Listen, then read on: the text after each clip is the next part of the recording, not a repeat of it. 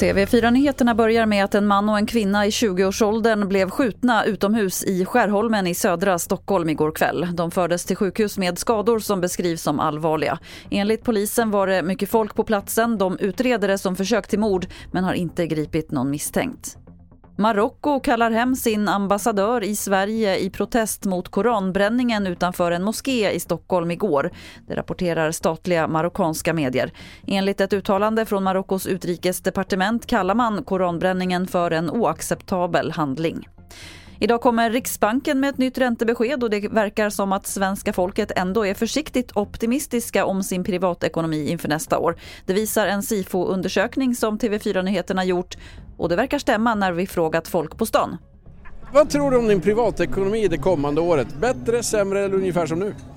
Jag tror att den kommer bli bättre för att jag precis fått ett nytt jobb. Eh, men å andra sidan sämre för jag kommer ju spendera mer.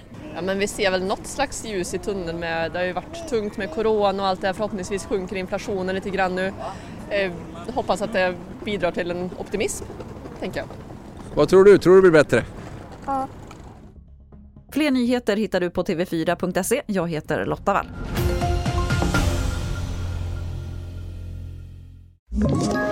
Ett poddtips från Podplay.